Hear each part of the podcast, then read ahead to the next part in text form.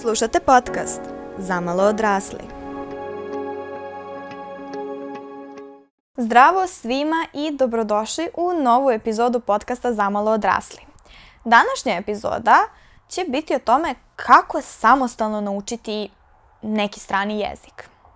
Jer prosto došli smo u vrijeme kada znati jezik, pogotovo engleski, više nije ništa specijalno, već je nešto što se podrazumeva. Ali naravno, samim tim zbog toga svega je učenje jezika postalo skupo, mislim, ili je generalno uvek bilo skupo, iskreno ne znam, ali zaista jeste skupo i ok, možda su tvoji roditelji odlučili da ulože u tebe i da naučiš neki jezik, kao što moji jesu što se tiče engleskog i to sam zaista zahvalna jer prosto prepoznali su da je to nešto što mi treba i ono još bitnije, prepoznali su da mi se to sviđa i zbog toga sam učila engleski od svoje četvrte do 19. godine. Mislim, ne ideš na engleski sa 19 godina zato što tvoji roditelji smatraju da to treba. Ideš zato što prosto voliš. Ali, naravno, znati engleski, kao što sam već rekla, sada više nije nešto što ćete izdvojiti, već više nešto što je neophodnost. Što se tiče drugih stranih jezika, da, okej, okay, možda u školi si imao ili imala nemački ili ruski ili francuski ili italijanski ili španski, ali e, pitanje je koliko si zapravo naučio ili naučila. Pazi, postoji sigurno neko pasivno znanje ako si imao ili imala profesorku koja te tera da učiš, postoji ono negde, ali to svakako nije nešto što će ti doneti puno benefita. Zbog toga, ukoliko želiš, imaš potrebu ili na kraju krajeva imaš nuždu da naučiš jezik, novi, strani jezik. Postoje različiti načini da to uradiš bez da daš novac. Naravno, uvijek postoji opcija da platiš časove, kao ja bukvalno zarađujem od toga. ali, ili da odeš u školu i da na taj način platiš, ali prosto nije to uvek opcija, jednostavno kao što, mislim, kažem, iz ličnog iskustva znam koliko te stvari koštaju. Zbog toga sam odlučila da pričam o načinima kako da samostalno potpuno besplatno naučiš jezik. A posle, ako ti u nekom trenutku smatraš da želiš da to digneš na viši nivo ili želiš da dobiješ neku diplomu ili moraš da dobiješ diplomu, to je isto opcija, ali ovo je sve nešto što samo zavisi od tvoje motivacije. I to iskreno mislim da je zaista najbitnije kad je u pitanju učenje jezika a to je želja i motivacija. Odakle god dolazi, mislim da je to najbitnije. I mogu da kažem na primjeru jedne devojčice koje držim časove, Znači, u trenutku kada ona želi da uči engleski, znači kada joj se to sviđa i kada je to super stvar, mi nema apsolutno nikakvih problema. Znači, dete je toliko talentovano, toliko i lepo idu jezici, tako je to leži. Znači, odlično ide, sve super. U trenutku kada odluči, sad iz jednog bilo kog razloga više ne voli engleski, gotovo. Džabe, ja mogu da dubim na glavi. Ona će mi reći da je to dosadno i neće napredovati nimalo. To se kod dece vidi toliko, zato što na kraju krajeva nije ona dobrovoljno rekla da ide na časove, roditelji je šalju, ali opet s druge strane to se može videti, na primjer, u svakoga. Resursi postoje, e sa koliko ćeš da istraješ, pa jel te na tebi. Ali ako imaš internet, imaš pristup različitim stvarima. Pa ajde prvo da počnemo od aplikacija koliko god da, naravno, e, nećeš ti biti tečan ili tečna u nekom jeziku ako učiš preko aplikacije. Naravno, i ne može da zameni konverzaciju i slično. Ali može da ti pomogne da pod A prošliš svoj vokabular, pod B skontaš gramatiku i pod C napraviš neko pasivno znanje koje onda u trenutku kad se nalaziš sa nekim izvornim govornikom ili u situaciji kada treba da progovoriš, čak možda i možeš da iskoristiš. Ili ako ništa drugo, ako odlučiš da konverzaciju makar platiš ili na neki drugi način, a pričat ćemo o tome, dođeš do konverzacije, tako neko stečeno znanje postojaće tu negde i ono će se ispoljiti. Nije isto kao da ne znaš. Znači, nije da sve te stvari idu uzalud. I prva aplikacija koju bih pomenula je Duolingo. Ko do sad nije čuo za Duolingo, ja ne znam. Ali da, to je ona zelena sovica koja će da te ubije ako ne ideš na časove španskog. Mislim, ja ne znam zašto ljudi imaju toliko loše mišljenje, odnosno se toliko plaše dua, jer meni nikad nije pretio. Možda što sam ja redovno sve radila. Uh, uglavnom, Duolingo, za one koji ne znaju kako izgleda aplikacija, ali kažem, mimove su sigurno videli, je aplikacija koja traži od tebe da praktično učiš neke konstrukcije na rečenicama uglavnom su rečenice, naravno počneš ti prvo od samih reči, ali vrlo brzo pređeš na rečenice koje su, moram priznati, vrlo čudan izbor. Mm, uglavnom rečenice koje nećeš uh, koristiti, na Naprimer, na italijanskom sam imala uh, ja sam insekt. Nisam verovala da će mi to ikada trebati. Za sada moram priznati da mi nije trebalo. Ali, generalno možeš da naučiš neke stvari vezano za gramatiku. Znači kako se zapravo popunjava. Nebitno da su reči ili rečenice, može da se desi par stvari. Ako su u pitanju reči, da imaš sliku i da ti trebaš da napišeš odgovor, znači kako se to kaže na tom jeziku. Ili može da se desi da imaš napisano na jeziku i treba da izabereš adekvatnu sličicu, uglavnom je tu i napisano na engleskom. Onda, ako su u pitanju rečenice, može da si dobiješ rečenicu na ciljnom jeziku ili rečenicu na engleskom i da da prevedeš na onaj drugi jezik to što je sve na engleskom kao default jezik može da bude nekome problem. Meni je recimo smetalo za italijanski, iako ja znam engleski dovoljno dobro da nemam ja problem. Ja sa stranog jezika prevodim na strani jezik, to je prva stvar. Druga stvar, logika gramatička u italijanskom je bila mnogo logičnija, mnogo približnija srpskom nego engleskom. I kao nekome ko poznaje srpski, Mene jako nerviralo što ja moram da se prebacujem na engleski. Vrlo se često desi da ja pogrešim na engleskom jer prevedem suviše bukvalno ne prevedem u duhu engleskog jezika jer prosto meni to ima smisla jer kažem logika se poklapa sa mojim maternim jezikom. Nažalost, opcija da na svom maternjem i onda nekim, nekom drugom ciljnom jeziku uh, učiš ne postoji za govornike srpskog jezika, a bar onoliko koliko ja znam čak ni ostali obližnji jezici nisu u opticaju. Recimo, možeš da učiš sa španskog nemački, i sa nemačkog španski, to postoji, ali prosto naš jezik nije dovoljno popularan da bi uopšte postojao Duolingu, a svakako ne kao opcija za maternji jezik. Ali iskreno nije loše, malo će te više nervirati samo zato što pogrešiš neke gluposti, ali da li možeš da naučiš? Možeš, zato što kad sam nakon samo par meseci Duolinga bila u Trstu, i trebalo su nam jaja. A u Trstu, a ne, ne, ne, bilo je još bolje. Bili smo u Trstu i trebalo mi je so. U tom trenutku ja nemam Wi-Fi, ne znam da se nalaze prodavnice, otišla sam do prodavnice koja je zatvorena, to je prodavnica sa koju sam ja ciljano otišla. U tom trenutku moj dečko kuva ručak, znači njemu treba so odmah. Ja treba, koja se inače gubi mi u Beogradu, da pronađem gde je supermarket da ja kupim so. Tamo tamo niko ne priča, apsolutno niko ne priča engleski, znači veća bi mi šansa bila sam srpskom rekla ja pitam kao, excuse me, do you know where I can buy salt? I on meni, salata? Ja kao, ne, ne, ne treba mi salata. I ja mu kažem na italijanskom jer sam se setila kako sam na eh, Duolingu učila gde je i setila sam se reči za so. I on je meni rukama i nogama objasnio kako i ja sam došla do prodavnice i kupila. Da li bih mogla da vodim veću konverzaciju od toga? Ne. Ali, hej, nešto sam naučila. Što se tiče Duolinga, ono što jeste dobro, što Duolingo ima taj, aj kažemo, motiviše te da ne odustaneš, zato što ima strikes, one vatrice, kao i na Snapu.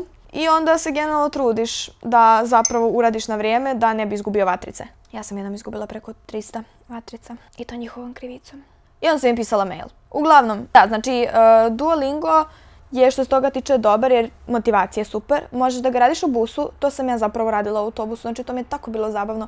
Sedim u autobusu, radim italijanski i baš me briga. I opet kažem, da li neke stvari mogu da se naučiti? Da. Da li je savršeno? Naravno da ne, ali što da ne. Sljedeća aplikacija koju bih pomenula je Drops. To je aplikacija da isključivo možeš da učiš vokabular. Znači imaš različite reči po različitim temama koje možeš da biraš i ono tipa praktično opet je samo prevod u pitanju. Opet je naravno engleski kao jedini matrin jezik koji možda izabereš. Bereš. I ono što mi se tu sviđa, iako sam naravno neke stvari ponovila kao i na Duolingu kad sam tek počela da radim u Dropsu, ima dosta nekih vrlo zanimljivih oblasti. Znači neke reči koje ovako uglavnom te ne nauči niko i zato se meni dosta sviđalo i opet i tu imaš neki fazon sa time kao kad možeš da radiš, koliko možeš. Da, da, tu ima, da, kako se sećam, Drops je imao neki fazon da možeš tipa samo 5 minuta da radiš na svakih 12 sati ili tako nešto, ali ima nekim uh, e, fazon da te motiviše. Sljedeća aplikacija koju bih pomenula je Tandem. Ova aplikacija služi baš ako želiš da vežbaš tvoju konverzaciju. Kako aplikacija funkcioniše, to ti je kao Tinder, samo se mečujete prema uh, jezicima ciljnim.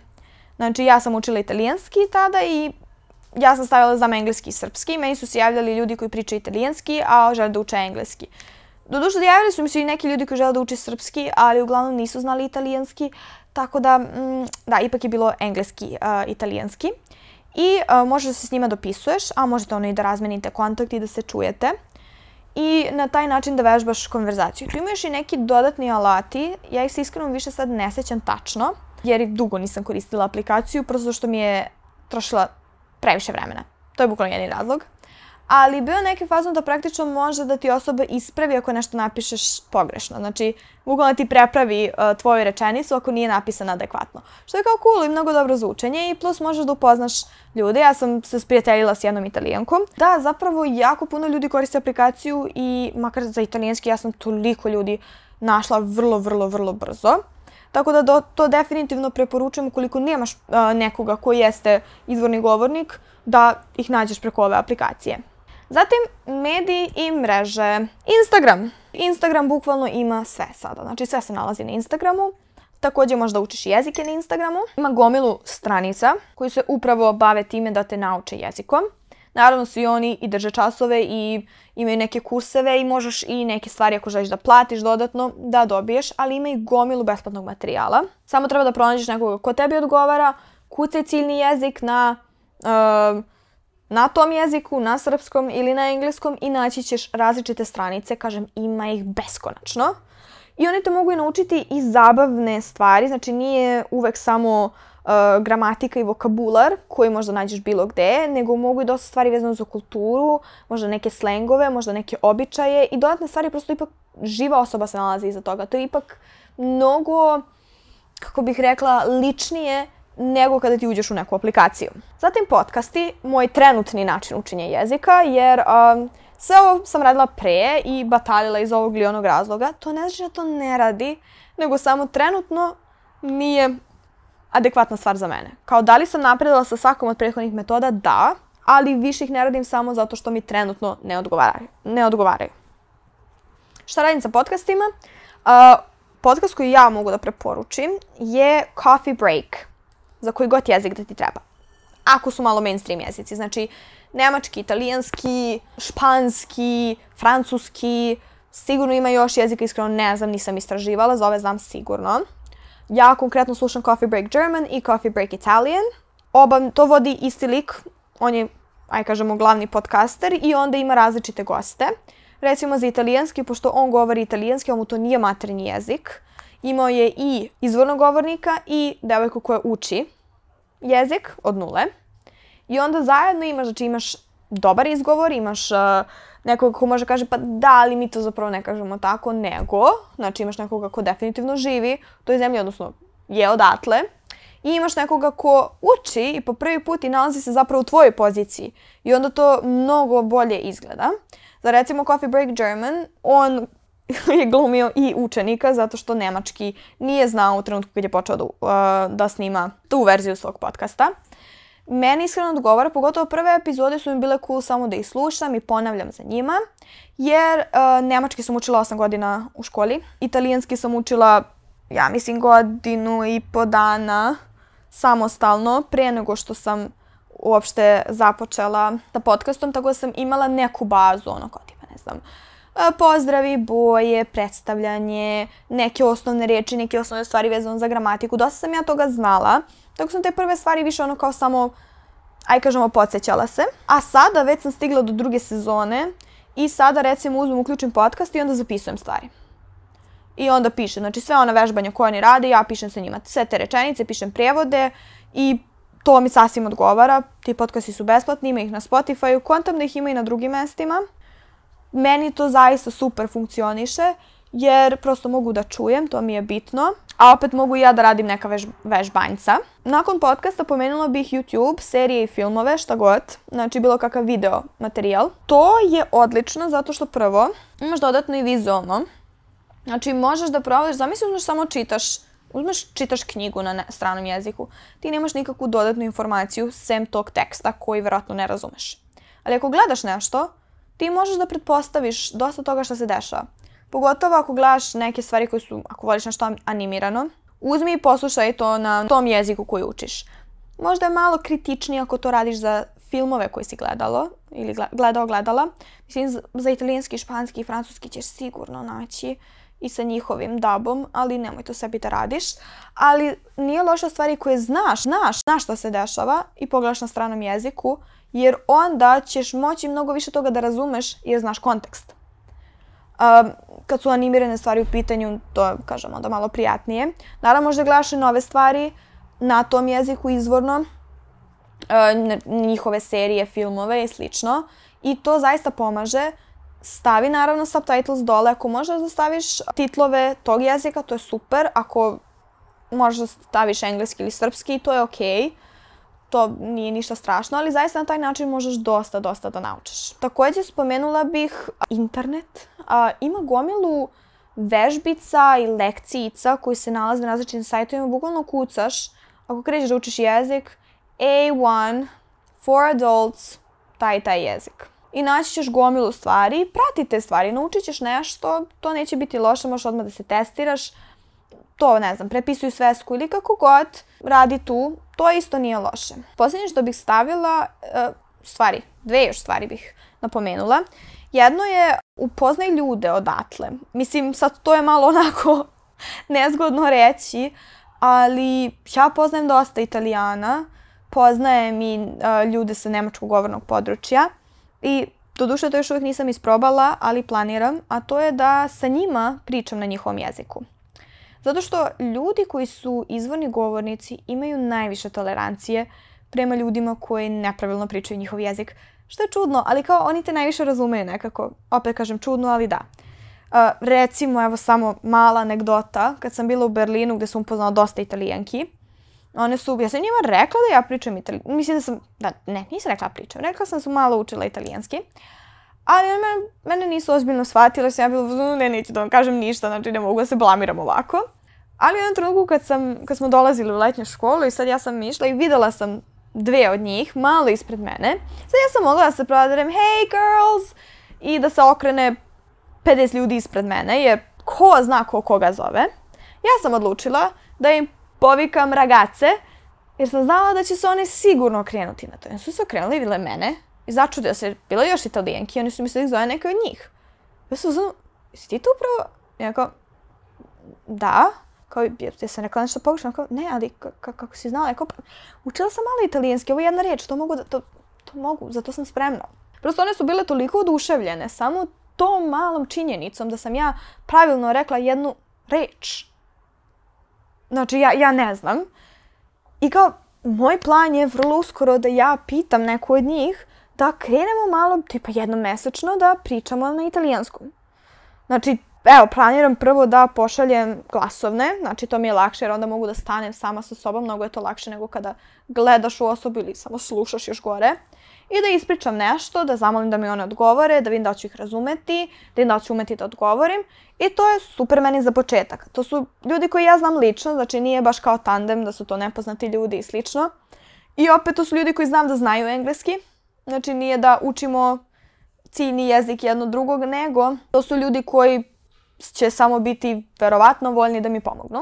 I posljednje što bih navela je nešto što je dostupno studentima. Ne znam da li sa svih fakulteta, ali znam definitivno da biološki fakultet ima saradnju sa filološkim, a to je studenti studentima za učenje jezika, gde a, jedan semestar ti neko od studenta sa filološkog drži časove tvog ciljnog jezika. Naravno, to su časovi u grupama, znači nije tvoj pojedinačan lični čas, ali je super, on naravno kreće od nule, ali nije loše, zato što neke stvari koje sam ja zapravo kako koristila sa Duolinga, jer kao tako su, tako su rekli, ja tako zapamtila sam, tek tada skontala zbog čega sam ja to tako radila, kada je, mi je ta devojka to fino objasnila. I slično, i kao dosta znači, to je besplatno. Znači, ukoliko tvoj fakultet ima saradnju sa, sa filološkim, to je, oni rade prosto da bi se uh, izveštili, da bi, dobili neko, da bi stekli neko iskustvo, a nama svima je to benefit jer možemo ceo semestar dva put nedeljno da učimo jezik koji želimo. Tako da mislim da bi ovo bili svi načini koji su meni pali na pamet. Sigurno ih ima još. Naravno, ono kao otputovati u tu zemlju ili početi da živiš tamo, takođe jako dobro rade, ali ajde da, da kažemo sa ovo malo manje hardcore stvari. I prosto, da li možeš naučiti jezik? Da, ja italijanski nisam učila u školi, a mogu da kažem da stvarno razumem na nekom osnovnom nivou i mogu da pričam na nekom osnovnom nivou, što je zaista okej. Okay. Ja kad bih otišla u Italiju, verovatno bih mogla da propričam, jer prosto imam neku bazu, imam nešto. Ako bih ponovo otišla u Italiju na put, verovatno bih mogla da kažem nešto. Što je dobro. Ok, nemački sam učila u školi, to je... It, has it, it had its ups and downs, ali kao vraćam se ponovo u shape što se toga tiče, jer prosto znam da imam puno pasivnog znanja, da samo treba da ga osvestim i da ga proradim. Pa, to bi bilo to od mene što se tiče saveta za učenje jezika. Ako želiš da čuješ više od mene, zaprati me na uh, Instagramu at zamalo.odrasli. Tu kačem razne stvari, neke dodatne savete, uh, A, tako da ne bi bilo loše da me pratiš i tamo i nadam se da ti se ova epizoda svidela, pa do sledeće epizode, slušamo se!